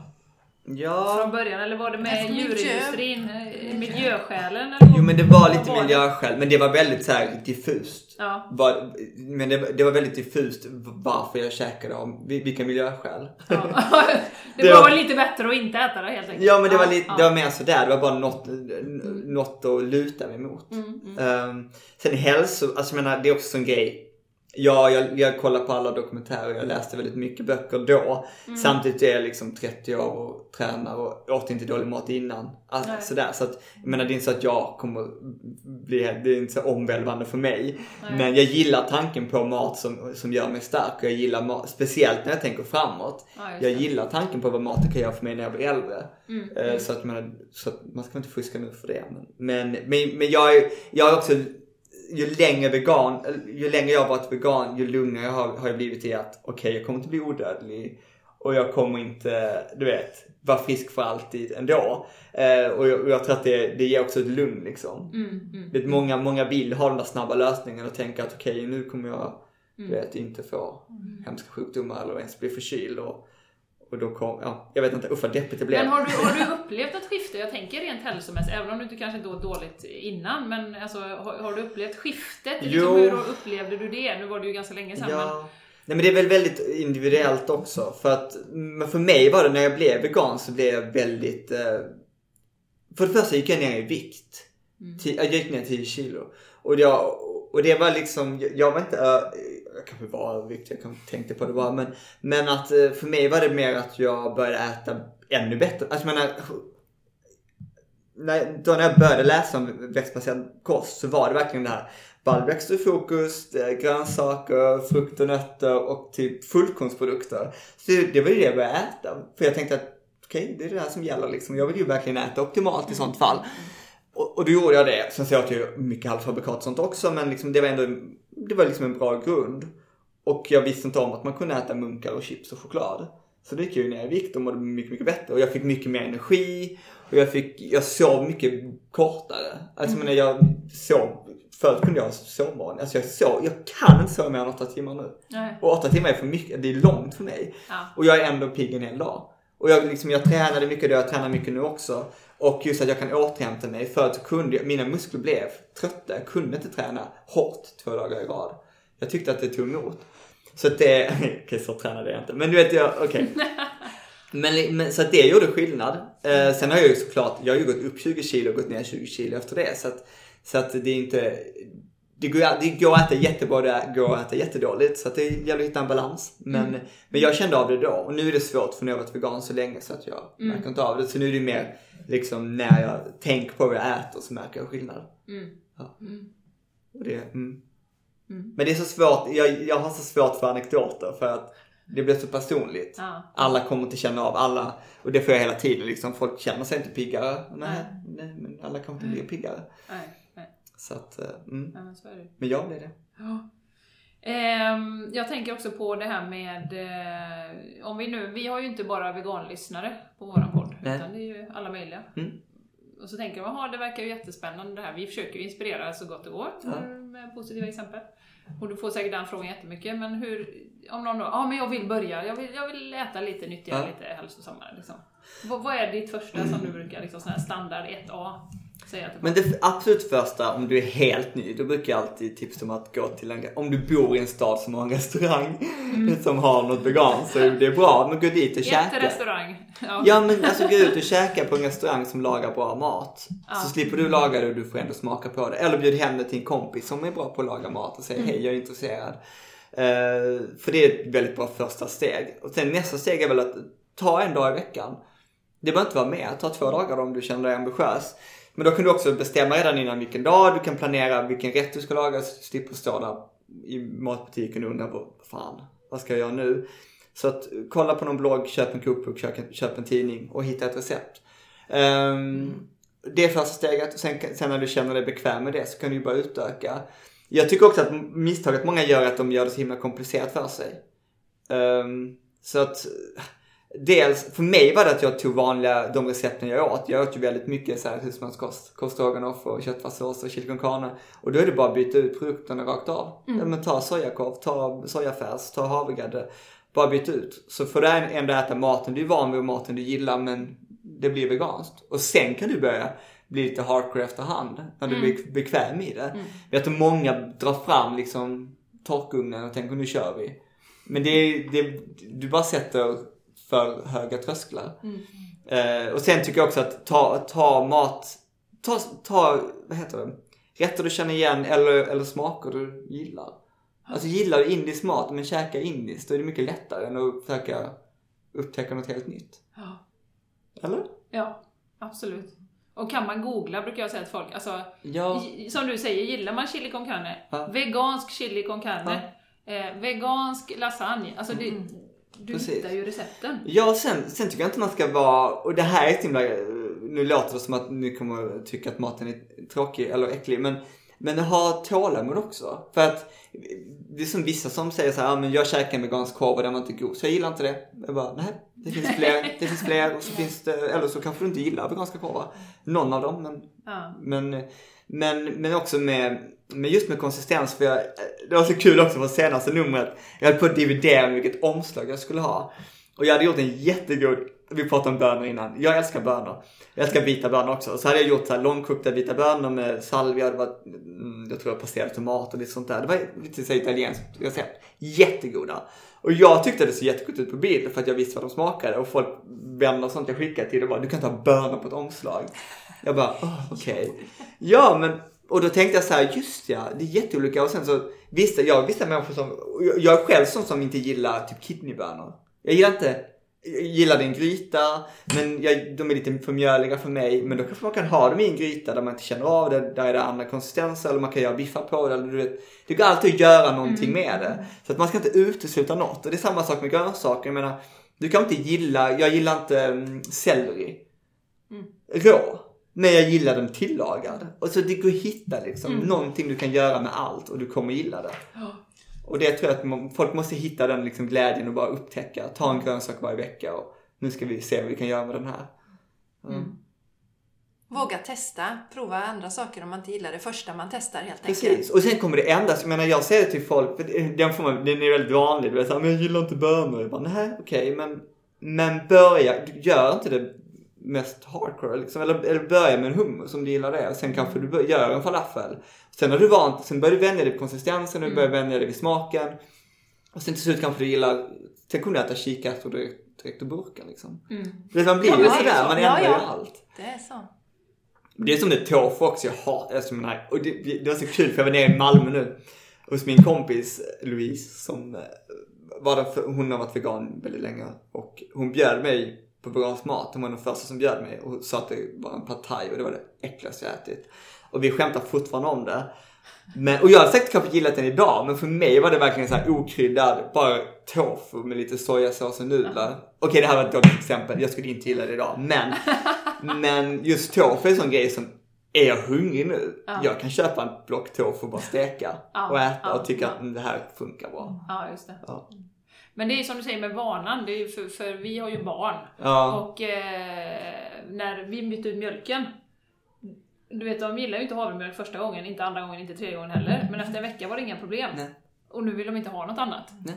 Så att man må, uthålligheten är ju lite viktig också, att låta kroppen ställa om. Och det är inte en dålig grej. Folk, ibland blir folk såhär, vadå så jag ska tvinga kroppen? Du har gjort hela ditt liv ju. Det är, så, det är därför du drick, ä, dricker och äter allt du gillar nu ju. Mm, det är bara en vana. Hur tror du du var när du var tre år gammal? Nej, nej, du precis. sitter där och tvingas i det. Det är inte dåligt. Jag menar, och det är också en ganska härlig grej att tänka hur smaklökarna förändras, så att de kan förändras. Ja. Jag, menar, Ja, jag, ja, tvingar mig att, jag tvingar mig att gilla koriander och det har folk full förståelse för. Ja, ja, men det ska jag också göra och det gjorde jag också men svårt att handla om det. Ersätta till mjölk som är så heligt. Det är folk säger, jag skulle aldrig kunna utsätta mig för det. Varför inte? Ah, Korianderexperimentet. Jag Ja. ser det framför mig. Liksom, du, Ja. Låg du i sträckbänk så liksom? Ja men typ, så vidrigt. Men nu tycker jag det är jättegott. Jag har alltid älskat det tack Ja. och lov och inte Ja, förstått att folk kan tycka det smakar tvål men det är... Nej, jag är nej, för den smaken finns ju inte kvar nu hos mig. Och jag menar när jag blev vegan, jag, jag gillar ju inte havregrädde. Havremjölk, nu dricker jag inte mjölk och glas sådär men, men eh, jag gillar inte det. Jag tyckte bismaken var fruktansvärd. Ja. Och nu älskar jag den smaken. Ja. ja, det är fascinerande. Ja, det är jättehärligt. Tålamod. Ja. Har vi något mer kring vegandelen så, Jenny? Nej, men, nej, jag tänkte fråga, eh, eller det som jag så tänkte på nu var eh, den här resan då sen du blev vegan och Mm. drog igång alla dina projekt. Vad, vad har varit den största liksom, utmaningen för dig under den här... Du har jobbat mycket och så, men, men vad, om du tittar Men tillbaka? det är nog den... Jo men det har väl varit den svåraste... Jag vet inte, att det är för mycket jobb. Mm. För den är väldigt svår att, jag har väldigt svårt att förhålla mig till, till det för att nu har jag jobbat väldigt, väldigt mycket. Boken blev en väldigt bra så här, vändpunkt för mig. För att eh, jag har aldrig jobbat så mycket i mitt liv. Jag har jobbat dygnet runt innan har jag tänkt liksom. Sen så nu var det tidningen plus den här boken som tog all tid. Och då var jag verkligen, när den var klar var jag verkligen trött. Mm. Och, det, det, och sån trötthet har jag inte känt innan och då kände jag så här: nu ska jag ta det lugnt. Så det var lite vändpunkten för mig där jag insåg också att jag kan jobba väldigt mycket och det är väldigt skönt att veta att jag kan jobba mycket men jag kanske inte ska göra det. Mm. Och, det, och jag, blev inte, jag blev inte utbränd. Jag blev bara känd att det är inte värt det. Så att nu har jag det, jag sa ju det, jag har fått, eh, mitt nyårslöfte är att vara ledig på helgerna vilket är fruktansvärt svårt. För jag har jobbat alla helger liksom i fem år, jag har bara liksom jobbat alla dagar. Och så nu försöker jag liksom bara hitta på, gå ut och ta en promenad och vet, försöka måla eller vad som helst, träna. Och det är väldigt svårt för det finns alltid jobb att göra. Men det är väldigt skönt också för att man, man känner verkligen hur man, nu längtar jag till att börja jobba. Ja. Så den har varit svår. Jag menar, jag har, inte, jag har inte ens försökt hitta en balans tidigare. Jag har bara jobbat på. Mm. Um, det märks att man blir äldre. Så det var egentligen den här senaste bo- boken med 1700 recept Ja. som gjorde att nu känner... Hur lång tid hade du på dig att, att producera den? Nej, men, ah, alltså jag började med den för tre år sedan. Mm. Men då började det väldigt lättsamt. Och då var det mycket mer så här, jag, ville, jag började med de områdena som jag inte var så bra på. Typ fermenterat och, och Mm. lite sånt där. Jag tänkte att men det var kul, nu ska jag lära mig de här grejerna. Och sen blev det bara mer och mer intensivt. Så sista ett och ett halvt året har varit hysteriska. Mm. Alltså det har det verkligen. Jag, jag, jag la upp någonting på Facebook, det var lite så här rop på hjälp typ. Men jag, jag hade jobbat så här 76 dagar utan en enda ledig dag. Och det, alltså jag menar verkligen gått upp sju, gick och mig elva. Bara höll på hela tiden. Så att, eh, och det, det, det är ju bara koll. Det var bra att jag fick ner det på, skrev ner det för det insåg hur galet det är. Men, ehm, mm, ja precis. Så inte jobba för mycket. Det, har varit, det är din stora, det Ja men verkligen. utmaning Jag tror att det är fällan för många. Och sen så, jag tror att jag ska bli smartare också. Men det har jag tänkt, det har jag jobbat med hela tiden liksom. Att man blir smartare med jobb. För att speciellt när man gör någonting som man drivs av. Man, man tänker, ja men jag vill ju inspirera folk att äta mer växtbaserat. Fine. Då är det också väldigt lätt att tacka ja till allt. Och alla jobb. Och allting som rör någonting. Och bara, nej inte, jag behöver inte ha betalt heller. Nej nej det här gör vi för att det är bra. Och det funkar inte. Och nu, och nu- det säger jag till folk. Jag har också sagt det till folk. Jag, jag kan inte, jag orkar inte. Nej. Det är för mycket och jag, jag jobbar för mycket redan. För att jag tänker att det är så här ärligast att säga och folk fattar det. Men eh, så att jag försöker bli smartare med jobb, även med tidningen. Liksom att man hela tiden fokuserar på men vad är det som ger bäst, mest effekt. Vilket gör att det är klart att vissa tråkiga grejer försvinner. Jag har ju drivits väldigt mycket av att vi gör bara tokiga grejer. Vi släpper den här, vi, vi hade en vintidning, den var jättekul. Well, den gick jättedåligt. Men det, det var väldigt mycket jobb och bara ångest för att det var så pengar som bara, du vet, det kostar bara väldigt mycket. Nej, du kan inte göra om det. Nej. Man måste bli smartare. För att jag tror man mår bättre av det i slutändan. Men, det, är- men det är också tråkigt att vara smart. Ja. Jag gillar att vara naiv och jag vill gilla att bara göra kul grejer. ja. Man, man kan ju blanda det. Det är det jag försöker hitta nu. Men du, har du, har du blivit bättre nu under den här resan på att ta betalt till exempel för att hålla olika föredrag och sånt? Alltså, Mm. Jo men absolut. eller på att säga nej den här, alltså sätta Eh, gränser? jo, och- nej men mer säga nej. Ja. Ja. Men, eh, nej men sen betalt, alltså det är också svårt. Eh, Jo men säga nej har jag blivit bättre på. Nej det har jag inte alls men, men eh, Du är medveten om att du behöver bli bättre? jag är medveten om att jag säger ja i alla fall. Ja. Nej, men jag, jag hade, den här veckan så fick jag, då hade jag sagt ja till två grejer som jag mejlade tillbaka. Jag bara, nej, nej, jag ångrar mig, jag vill verkligen inte. Nej, nej. Men det blev ju en bok till nu. Det kommer en bok i höst igen. Så jag menar, jag, så duktig är jag inte. Okej. Men, eh, men du sa något annat. Vad sa du? Ja. Nej men det är hemligt. Ja, det- kommer en bok i alla fall. Men du sa någonting. Bättre på att ta På att betalt. säga nej, ta betalt också. Ja. Alltså, jag tänker så här, för, för jag tänker, du promotar ju dig själv också så, såklart Ja. varje gång du... Nej men tidningen kör ju på liksom. Så Mm, det, där, det, är ju, det är ju vad det är. Men, eh, nej men jag tänkte på det också. Det, det är en väldigt knepig grej för jag vill ju ut och föreläsa nu. Jag håller på med en föreläsning. Så jag ska ut och prata om hur man äter veganskt och liksom lite underhållande också. Ja. som jag vill gå runt i landet med. För jag inser att det är väldigt mycket, det är så mycket, jag, jag var föreläste på ett bibliotek på Öland. Vilket var jätterandom och jättekul och det kom jättemycket folk. Och då tänkte jag så här, shit. För att du var där bara eller? Liksom du hade... Nej men jag skulle ju, de hade ju marknadsfört och sådär att jag skulle ja. dit och prata. Ja, ja. Men jag trodde att det skulle komma 20 pers. Ja. Och det var liksom 120 pers i det Ja. lilla biblioteket. Och jag var så här, vem fan kommer hit för mig? Men så slog det mig att det är ju kanske, ja men det är absolut, det är ju kul att jag kommer dit. Men, men det är också speciellt om jag åker runt i landet. Nu kanske jag låter jättefördomsfull men alla ställen har ju inte vegoställen att gå till. Alla har Nej, inte de här naturliga platserna där man kan träffa Nej. andra som, som lever och, och, och gör som en själv. Och så att det är mycket mer än att bara jag kommer dit. Men det är att komma dit, åka runt i landet, inte bara i storstäderna, prata om en kost som folk är intresserade av och sen så samla folk som som tycker och tänker likadant. Det, det tror jag finns ett värde i. Men då har jag också funderat på det med liksom betal, betalning. För då har man typ vissa människor som bara Well, en biljett får väl kosta 900 spänn. Jag bara, och det är helt orimligt. Det här ska vara för alla ju. Och då blir det så svårt med priset för att jag vill ju att allt jag gör ska vara för alla.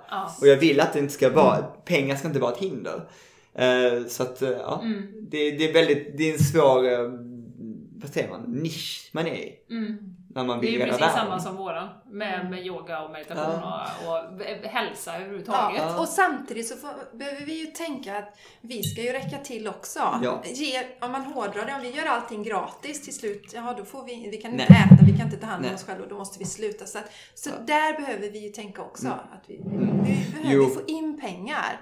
Precis, och jag, men det är ju det är lite där jag har landat i också, som vi pratade om pengar innan också. Att det, jag, är- jag är så trött på det här med att var går, var går smärtgränsen? Hur kan, vi, hur kan vi få ut mest pengar av de här människorna? Ja. Och det är så himla tråkigt sätt att tänka. Så att jag är så här, jag vill kunna täcka, jag vill känna att jag får betalt för det jag gör. Men sen behöver jag inte ha mer än det. Och jag har varit så trött på att det är så himla mycket, du vet, vinsttänk. Det är fel, jag är fel och jag vill rädda världen. Ja. Och det är hela samhällsstrukturen som, Ja. som har gått åt fanders, eh, höll jag på att säga. Men Det är liksom- så deppigt. Ja, det, det är riktigt tråkigt. Men det var så kul för jag pratade med, dels pratade jag med, där, eh, och vem var det? Jo men okej det här är ett jättebra exempel. som jag ser upp till. Och det, är, det finns ett bageri i Malmö, de har väldigt mycket veganskt, därför jag nämner dem. Som heter Leve och de är, det är två härliga killar som, som driver det. Som ville baka, för de älskar bröd och ville ba, bakverk och ville köra eget. Okej, ska vi gå upp fyra på morgonen som alla andra bagare, halv fyra, tre eller någonting och börja baka? Nej, det låter ju fruktansvärt. Vi vill ju må bra, så då öppnar de bageriet elva istället för de tänker att folk vill väl ha gott bröd när de kommer hem efter jobbet. Så de har ju vänt på bröddygnet, jobbar kortare dagar, sen bara, sen jobbar de typ fyra dagar eller fem dagar. Och that's it. Och sen så, nej vi ska inte, vi ska inte expandera, vi ska ha det här för att det är kul. Cashew Vegan Kitchen i Lund, världens minsta lilla raw food café, bästa i, bästa i, i Sverige. Fantastiska. De bara, vi ska inte expandera. Alltså vi, vi, vi vill må bra, vi vill göra, vi, vi tycker det är jättekul med bakverken. Vi, men vi vill också vara hemma med vår familj. Och, jag, och det känns som att det är den nya generationens entreprenörer. Och det är sån jag vill vara. Där, man in, där man vill må bra men också göra bra. Absolut. Det låter fantastiskt. Eh, Sociala medier. Ja. Eh, vi har ju en eh, IT-ansvarig i vårt gäng här, Ja. Jessica. Men eh, hur, hur är din relation till sociala medier? Är det, liksom, känner du att du har en sund relation till det eller tar det över? Eller ser du det bara som ett verktyg som du använder? Eller hur? Eh, Men jag gillar sociala medier. Alltså, jag gillar den direkta responsen. Jag tycker det är jättebra. Vi är väldigt bra, vår Facebook-sida är väldigt bra. Jag är själv en Facebook-junkie, jag älskar Instagram. Eh, och det är väldigt bra redskap för oss. Alltså dels för att folk ska hitta till oss. Folk gillar att dela och berätta. Så, så vi- jag har gillat det. Jag, alltså jag är en väldigt bra... Jag, är inte, jag förstår att folk blir väldigt beroende av sociala medier. Men jag blir inte det. Alltså så här, jag klarar mig utan. Jag kan sitta på en middag utan att kolla Instagram. Eh, var det det vi skulle komma till? Nej, men bara din relation till sociala medier. Ja, vad- nej jag tycker det är helt fantastiskt. funkar. Alltså hela min karriär bygger på sociala medier och jag Ja. tycker att det är jätte, jag tycker att, jag menar, hade jag varit ung när jag, och det hade funnits sociala medier, hade mitt liv varit helt annorlunda. Jag tycker det är jättebra. Jag tycker att det finns mer bra än dåligt och jag är lite trött på att man hela tiden bashar sociala medier. Det är klart man kan hitta dåliga grejer och jag tror att mycket är så här barnsjukdomar. Det kommer, snart kommer det bara finnas positiva grejer. Så att, eh, nej. Och det är ett väldigt bra verktyg. För att nå ut liksom. Ja, Fantastiskt. Ja. Ja. eh, så, men Skulle jag du, säga något annat? Nej, nej, nej. Jag var, det var bara nyfiken. Jag visste inte om du rörde företaget eller mig själv. Nej. du har ju mycket saker på gång. Ja. Så hur ser en typisk dag ut för dig?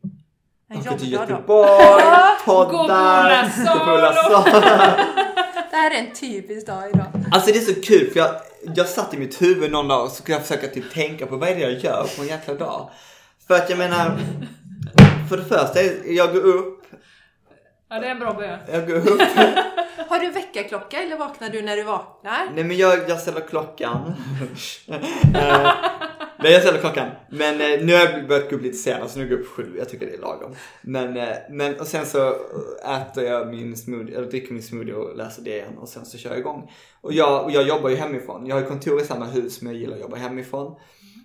Eh, Och sen beror det på lite. Som nu sitter jag av någon anledning så får man typ 50 mail om dagen, minst. Som alla måste svaras på. Och man bara, och så inser man att äh, det här är mitt jobb. Svara på mail och eh, betala fakturor känns som att det är 80% av mitt jobb ibland. Men det är mycket sånt. Det är alltid väldigt mycket kontakt med antingen frilansskribenter eller förlag eller säljbolaget och alla, alla som är inblandade. Det tar så mycket längre tid än vad jag tror. Eller tänker ibland. Eh, och nu är jag inne med nästa nummer så det blir att man eh, går igenom alla kokböcker som man vill ha med och tar fram recept. Så måste man redigera allting. Eh, rodda med intervjuer, antingen jag gör dem själv eller om andra gör dem så ska det göras. Skriva recept är typ alltid där. Men det är väldigt mycket, alltså det, det, det roliga är typ, jag tackar ju nej till alla praktikant, praktikanter som vill vara hos mig för att det är så sjukt tråkigt hos mig. För jag sitter verkligen, men jag, jag har liksom ingen tid och jag är inte sån som går på mingel, jag går inte på Nej. pressgrejer för att jag har ingen tid. Utan jag sitter ju vid, vid en dator i princip hela tiden när jag inte lagar mat. Så att det är väldigt, det är väldigt mycket datorjobb. Vad det nu kan innebära men ja. Åh nej, kolla, förlåt. Det, vänta, det är min klocka som satte igång en... Hur stänger man av En den? låt. Vänta. Det gör inget, vi kan jassa lite här. Helt underbart här. Ja, undrar vad det var för något band som började spela. I... Men, eh, nej men så att, eh, ja. Mycket framför datorn. Ja men det blir det. Det är Det är jätte... Jag tror att folk tror att man bara går runt och myser vid en gryta. Och Ja. bara, nu ska vi göra en Nu annan tar här. jag lite ingefära Ja. här och ser vi vad det blir av detta. Nej och det tar mycket längre tid än... Det tar bara mycket längre tid än Men sätter du av en viss tid att nu ska jag sitta här och göra detta i så eller? Um, alltså jag, jag är sån som är, och alltså ni, har så, ni fattar inte, ni berör såna punkter som jag älskar. Jag är helt manisk med, med, med kalendern. Har ni inte läst boken Får du gjort så läs den, den är helt fantastisk. Har ni läst den? Getting things done heter Ja. den på engelska Precis. va? Mm. Vi, Fantastisk. vi lägger in notesen. Ja. Nej men den, den förändrade mitt liv. Jag har alltid kört listor. När läste du den? Två år sedan kanske. Okej. Ja. Nej men jag, jag har alltid gjort listor innan, det är bara att det blir mer medvetet. Så att jag, jag har alltid maniska listor varje dag och skrivit in, mitt kalender är fullbokad med allting som ska göras. Eh, och sen så gör jag, det är mer att jag gör kanske det som, du vet man är alltid piggad på förmiddagen, sen är man seg på eftermiddagen. Så på förmiddagen lägger jag alltid det som kanske kräver hjärn, lite mer hjärn, eh, vad heter det? Kapacitet. kapacitet. Och sen efter lunch då kan jag sitta och gå igenom recept och sånt där. Redigera. För det är mer, det bara går liksom på automatik. Så så, så håller jag på. Och sen så försöker jag alltid klämma in lite träning någon gång på dagen. Så jag, jag kan ju styra mitt schema på det sättet.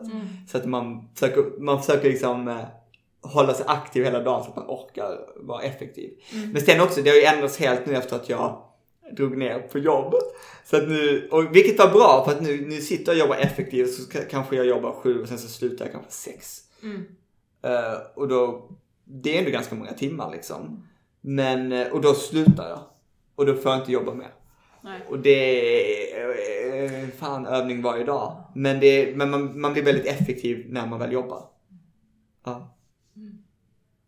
Jag Men glömmer alltid bort frågan men det, Nej men det var ju en typisk dag det Ja, ut för dig. men alltså det, jag vet och den är olika varje dag men det är, det är mycket mer administrativt än vad man kanske Men tror. man tror liksom. Ja. Men när du ska göra nya recept, jag tänker på som de här 1700, det Ja. kanske tänkte du samma fråga.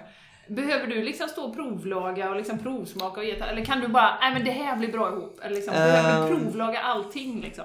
Alltså allt är ju provlagat där. Men, men däremot så kan jag ju, alltså menar, jag kan ju laga mat. Så jag oftast skissar jag ju upp recept. Tänker Ja. jag, men det här kan säkert bli bra. Och sen så provar man och sen så blir det helt galet. Ja men då får man ju sitta där och, Mm, mm, och ändra. Men ofta så, det går att träffa ganska nära tycker Ja, jag. ja. För man vet, man, jag menar det är som göra biffar och bollar allt möjligt. Man vet ungefär proportionerna, Mm. man vet ungefär hur mycket man ska i av saker och sen så får man väl bara finjustera. Mm. Bakning är lite annorlunda, där kanske man får, ja. Just det. Men, eh, Mm. men man har blivit ganska bra på det.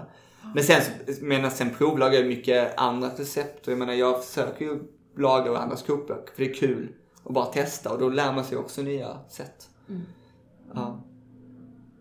Men, mm, nej men det var, men den boken är ju också mycket annat, alltså det är mycket från gamla böcker och gamla tidningar. Just det.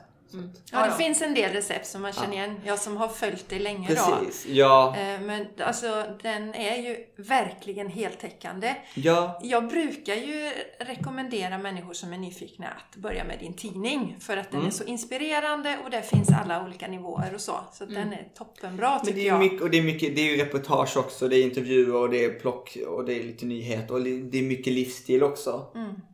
Så att precis, man, man, känner, man känner ett större sammanhang och det gillar det. Och jag gillar det också med att det är folk. För det, det kom in kanske i år tre att jag började ha mer folk i tidningen. Mm. För jag insåg att folk, för folk ser andra människor som ser ut som en själv. Ja, just det. Som äter den här Ja, fast det är faktiskt jätteviktigt. För att, eh, för att jag menar, nu äter ju du vegan sedan ett år tillbaka, Jenny. Ja. Och Maja sedan ungefär två år, tror jag, tillbaka. Ja. Men ju- vi i vår familj har ju levt jättelänge. Vi är liksom de enda. Vi bor i Landvetter. Det finns ingen. Och det tycker jag är härligt då också att läsa. Man läser din ledare och så Ja. vi har samma vision att man längtar efter att när vego ska vara normen. Ja. Alltså att vi inte måste sitta och svara på frågor varje gång Nej. vi äter, varför vi äter som vi gör och så. Mm. Och det är klart att det är roligt att dela med sig men ser också fram emot det här skiftet som vi ju ändå Mm. Tror är på gång. Ja. Men där har ni en viktig, Ja. fyller det upp en viktig del tror jag i tidningen. Mm. Att känna att man inte är så jävla ensam alltid. Nej. Nej och den delen, det, har, det var ingenting som Community. slog mig i början. Precis. Och tidningen har blivit som ett community. Vilket jag förstod inte att det var en viktig grej. Men samtidigt kan man, går man in i en vegansk restaurang nu fortfarande som vuxen så Mm. blir man ju helt varm i kroppen. Där man kan få välja vad man vill och folk, Åh. man, man kan liksom nicka åt alla där inne för man vet Ja. att ah, vi är som ni. Ja, eller när jag åker hem till Jenny, då vet jag att jag kan, jag kan äta allt som Ja. hon har där. Det är av. inget konstigt alltså. Nej men det, Så alltså. har inte vi haft det innan. Vi har inte Nej. haft någon. Sen har människor varit fantastiska.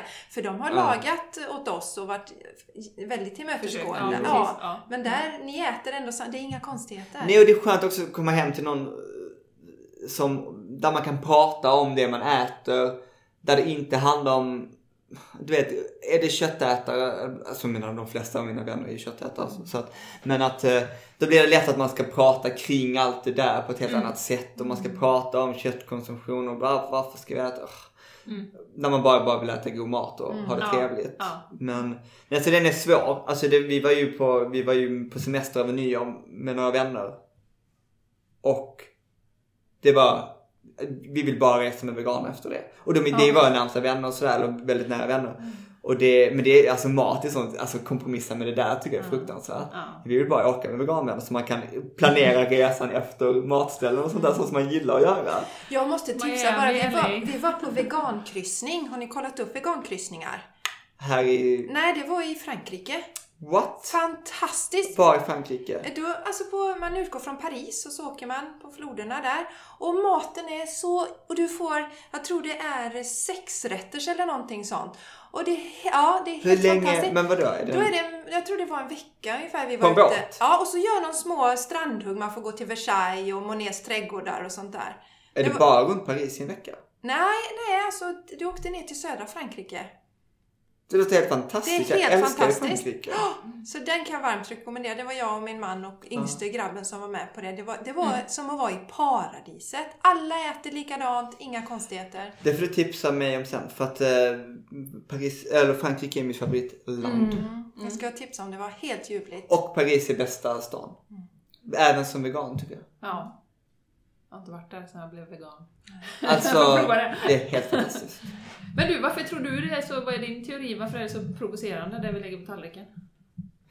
Ehm, alltså det är st- det är väl en stor del av ens identitet, dels är det det. Eh, det är väl lite den grejen att det, det är som att säga till någon att sluta lyssna på Madonna, eller så popmusik, eller vad- vad det nu kan vara.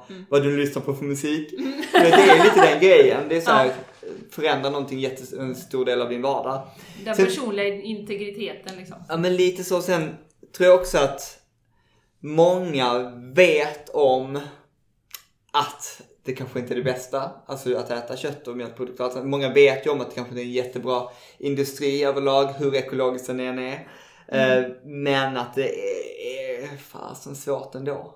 Det, alltså för alla förändringar är svåra, speciellt något som är varje dag, något som är så djupt rotat. Många är ju verkligen uppvuxna med det. Mm, mm. Ehm, Så att, ja, jag tror att det är den, jag blev själv sån som blev aggressiv för jag visste någonstans att, någonstans att det inte var helt rätt.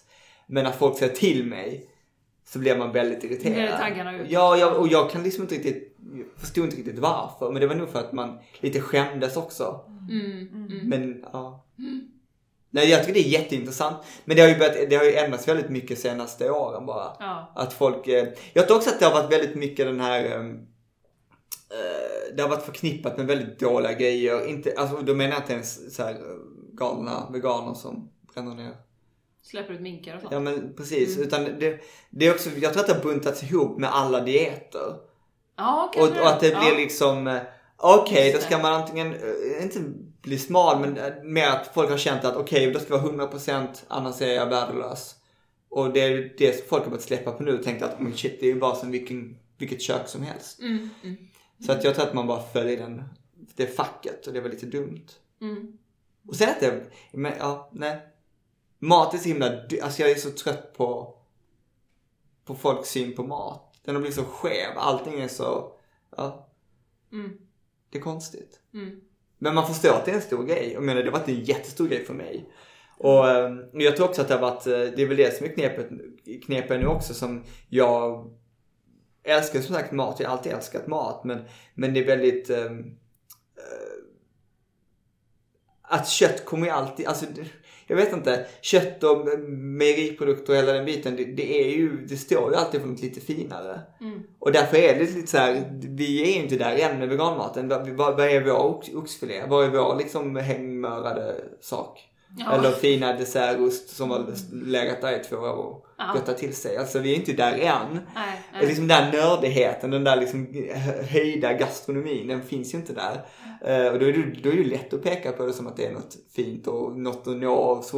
Jag menar, det är väl det som när när jag var liksom student, jag hade säkert kunnat bli vegetarian.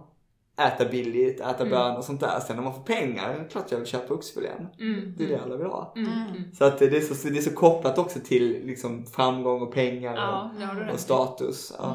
Men det är lite samma som med elbilen. Det var ingen som ville ha elbil innan det var jättetöntigt och så Mm. kom Teslan. Ja. ja. Och, men jag tror faktiskt att vi är på väg åt att veganskt blir trendigt. Ja. Det, tyvärr är det nog så att vissa människor behöver ha det här att det är liksom trendigt och lite Mm. fint. Ja, lite fint framförallt. Ja, precis. Mm. Får jag bara säga en sak? Eh, Jag vet inte hur, mycket, hur länge ni orkar med. Oj, en timme. Okej, bra. Eh, nej men jag bara stör mig också på... Vi eh, orkar länge. Ja, nej men jag har också tänkt jättemycket på det här med maten. Med kött. Att det ska vara som kött. Jag har inga problem med det. Och när jag blev vegan, mycket tack vare att jag kunde äta saker som var som kött en bra bit. Men det var också för att jag inte visste om vad som fanns. Så, jag, så jag, har, jag är jättefascinerad av alla kött, köttsubstitut som kommer och alla burgare som blöder och jag tycker det är jättekul att folk intresserar sig av det. Men, och jag tror definitivt att det är en väg in för många, men det är ju inte slutet. Nej. Alltså menar, det är ju steget in. Jag tror att folk också måste inse hur mycket gott som finns förutom det. Och att liksom köttsubstitut är en del av en varierad kost, men att det finns så mycket, mycket annat att upptäcka. Ehm, så det, det har jag också känt är lite mitt, mitt mål. För att vi har ju en del, vi har lite, lite så här köttgrejer ibland i tidningen. Men mycket för mig är så här, men upptäck allt annat. Ehm, och det Det- tror jag är det som kommer att göra att, det blir, att folk kan se det som hållbart i längden. Och, och, ja. Ja, jag vet inte hur det har varit för dig, men för mig var det ju så. Jag började av hälsoskäl och Ja. sen då så kom de, den etiska biten in och sen så kom miljödelen in också. Och jag vill inte äta någonting idag som påminner mig om kött. Det lockar Nej. inte mig. Nej. Så att vi behöver verkligen den andra Mm. delen också. Jag kan tänka mig att många landar i det. Ja. Att när det är någonting med köttet som gör att man inte tycker det är så roligt att se köttet. Mm. Alltså jag kan gilla typ konsistensen. Jag ser det mycket mer som konsistens och ibland vill jag tugga den typen av konsistens. Men jag vet alltså att när när jag käkade den här blödande burgaren när jag var i USA. Jag menar det är så hemskt. Alltså jag, jag kan, det, det är coolt men det är också sjukt obehagligt. Inte bara att den blöder men att den smakar kött. För att hjärnan blir lite Ja. knäpp av. Ja, ja. Var det det Beyond Meat? Eller? Nej det var ett Impossible Burger. Ja, Beyond Meat tycker jag också är Just det, köttig. Ja. Det. Nej, jag, behöver, jag behöver inte heller ha just det där. Men jag menar Jonas här, han älskar ju de där burgarna. Han vill ju ha den här köttsmaken. Men du, du får väl ta fram någon hängmörad kålrot eller någonting. Exakt. Riktigt fint! Exakt. Som har hängt liksom i flera månader så att man kan... Men vi ska till, förlåt, var det, Ja, ja, var det men- försökte Det avsluta? var bara, nej det var en kommentar. Ja, nej men vi ska till Italien nu i, i sommar och där var ehm, det finns en, hon, Alessandra hon, hon importerar grejer därifrån men där finns ju liksom företag som gör just så här lufttorkade veganska salamis och korvar och de, det är någon som gör eh, gorgonzola på kikärtor och potatis som är helt fantastiskt med äkta mögel och allt, allt möjligt. Så jag menar det kommer ju. Ja, ja. Just det där Det väg. kommer och det är, det är så kul att vara med om det. Ja. Ja. Men eh, Julia som vi pratade om innan, eh, Mm. hon har gjort en bok som heter This Cheese is Nuts. Har du sett den? Jag tror till och med att jag har. Ja, du kanske har den. Ja. Där är det ju 40 olika ostar. Men det Ja. kräver ju lite också. Alltså lufttorka och Ja. hålla på. Så. Men det finns ju några där som är väldigt enkla. Och om man vill komma igång och verkligen gilla ostsmaken då. Nej, och det finns... Ja. Har ni varit på Rutabaga i Stockholm och Ja, blivit men inspirerade? gud, låt mig inte börja prata om det där. Har du varit där? Ja, Vad tyckte du? jag blev besviken för det var så lite. Oh jag God, var så hungrig efteråt så jag... Jag hade För lite mat, jag? Ja, jag skulle Mm. gå dit med min man. Men så var det så att eh, jag istället gick dit med en... Eh, jag hade tänkt i framtiden skulle Mattias och jag gå dit då. Mm. Min man heter ju Mattias också. vad härligt. Eh, men så var det en tjej som jag träffat på sociala medier. Linnea Molander heter hon och Happy Dating. Okej. Ja, och så hade vi aldrig sett så bestämde vi att ja, men vi träffas där och jag vill gärna gå till Rutabaga. Så kommer vi dit. Och först var vi tvungna att enas om hur många antal rätter vi skulle äta och jag var superhungrig, hon hade ätit en pizza innan. Och de gick alltså inte med på att vi fick äta eh, olika antal rätter och då fick liksom hon anpassa sig efter mig och det var kanske inte sån här jättebra start då på första dejten. Men sen var det ju så litet. Alltså, liten mängd! det här är mitt Så issue. litet! Ja, lite mängd av mat. Jag är inte en eh, fine dining kille, jag tycker det är ganska ointressant. Så att ba- bara där föll jag ju bort egentligen. Men, men eh, nej, jag tyckte det var katastrof. Alltså katastrof. Och jag menar, jag minns att vi, eh, eh, det var lite mat, det var inte ens spännande som var där. Och sen minns jag att det stod eh, rivna morötter, det var en av rätterna, mellanrätter. 165 spänn, rivna morötter. Och så sa jag till servit- riva alltså. så sa jag till servitrisen, jag bara, vad är det där för något? Hon bara, det är rivna morötter. Och jag bara, oh my god, så den köpte vi ju. Men Vänta, vet- jag har en jag tog med mig här. Kan jag få äta den? Kan jag få riva själv knapra? Men sen var det också, det som det jag störde mig mest på var att det var ehm, det kändes som att det var mat för köttätare. Det var Ja. vegetarisk mat för köttätare. För, för det var mat där man tänker så här, det här var fräscht, det var spännande, det var något nytt, det har vi inte ätit innan, men vi kan äta kött imorgon och kom ihåg, det är härligt. Mm. Men för oss som inte äter kött dagen efter och kan kompensera med det, Nej. då blir det så här, vad fasen, det här var inte vad vi var ute efter. Nej. Och det, och det var inte ens, jag tyckte inte ens att det var så innovativt.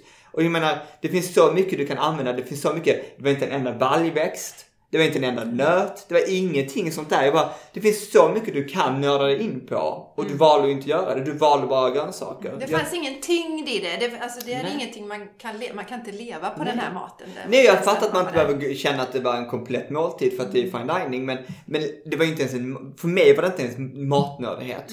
Men vadå, det finns hur mycket fermenterat som helst. Varför var det ingen tempe? De kunde gjort en egen tempe på någon svensk åkerböna eller vad som helst. Alltså det fanns så mycket man kunde ha gjort som de inte gjorde. På tal om restaurang, det är ingenting som du har planer på eller? Alltså, Du gör det lite bättre själv. jag sitter med det. Ja, alltså han är så trött på det. Jag, jag ältar det varje dag. Nej, Det jag, är så att, ursäkta, men Jonas han sitter med här. Ja, så att det, det är han och- då, det är inte Gud du Nej, hänvisar till. precis. men, eh, nej men jag... Jag och Gud har funderat på att öppna en restaurang, det har inte blivit något där. Nej, men jag har planer på det. Men jag, vill ha ett café för att det känns mer vego. Café med mat. För det känns lite mer hänga hela dagen grejen. Det är mycket närmare det jag sysslar med, tycker jag. Jag älskar också bakverk, så att det är det. Men, eh, nej men jag, jag har planer på det. Jag håller på, jag håller på att testa recept och, och du vet. Jag har svårt för att jag kommer, jag kommer inte kunna jobba där. Nej. Jag vill hitta ett koncept, jag vill, jag vill liksom fundera på ett papper och jag vill hitta folk som kan jobba med det. Du kan franchisea lite kanske. Ja, men jag har inte riktigt kommit dit än och jag gillar att finger med allt. Jag, kan, det, jag har lite svårt för att jag ska få ihop det. Men jag vill göra det någon gång. Och det är samma sak, jag sa det igår när vi gick runt i stan och jag var så här. Jag vill ha ett café Ja. med mat och jag vill kunna gå dit och, och jag vill kunna gå dit och käka något så här svennebanan husmanskost också. Samtidigt, jag menar vi gick förbi någon bar och jag tänkte gud vad härligt att gå in på en vegansk bar. Alltså jag menar jag är inte en sån som dricker jättemycket heller men bara att gå dit och typ käka någon tapas eller någon liten enkel pastarätt och bara ta ett glas vin en tisdag. Alltså gud vad härligt. Det vill jag också ha. Och liksom umgås. Jag gillar, jag gillar ju att vara ute bland folk också. Jag gillar att vara, du vet, höra lite på musik och i bakgrunden och Ja. snacka skit. Alltså jag menar Ja, det vill jag också ja, ha. ja. Och slippa kompromissa och stå där och käka nötter och sådana potatis. En vegokedja helt enkelt. Kan ni, kan... Med allt möjligt ja. Ja, ja precis. Det vill vi gärna ha i Göteborg. Men är ju bra. Borås. Borås ja. ja, ja. Nej men man vill ju ha, precis. Man vill ha. Jag är också sån som, oh, nej förlåt. Ja, jag kommer aldrig sluta prata om det. Men någon gång kommer det hända. Innan var jag så emot att säga det till folk. För jag bara, jag vill inte säga det till folk för då kommer folk börja fråga mig om det. Ja, ja. Men nu är det mitt, så blev det med den här matbibeln liksom att jag börjar säga det till folk och bara, hur går det med boken? Jag bara, well, men nu måste jag uppenbarligen jobba på det. så jag tänker att kanske är samma grej. Skitbra! Ja. Nu, eh, vi ska börja Ja. runda av, eh, för, eh, av många skäl. Ja. Eh, Ni är här för att ta det lite lugnt. Ehm, det här, eh, ja precis, pipen tänkte vi vi avslutar med det. Ja. Vi har ju pratat om, du har en bok som är hemlig, som är på Ja. gång, Ja. som kommer ut. Det kommer en franchisekedja så småningom, med café. Absolut. Yes! Absolut! Vad har du mer på gång? Har du inget mer förutom tidning? Eller vad, vad ska du liksom, vad ser du det här året framför dig? Nej men, kommer du på något? Roman. Jaha, jag ska skriva en bok. Nej men det kommer jag inte göra nu. Jag vill skriva en bok någon Roman, gång. okej. Jag har börjat måla nu men det är bara för att jag vill ha hänga upp den på väggarna. Så det försöker Vad jag. målar du i då?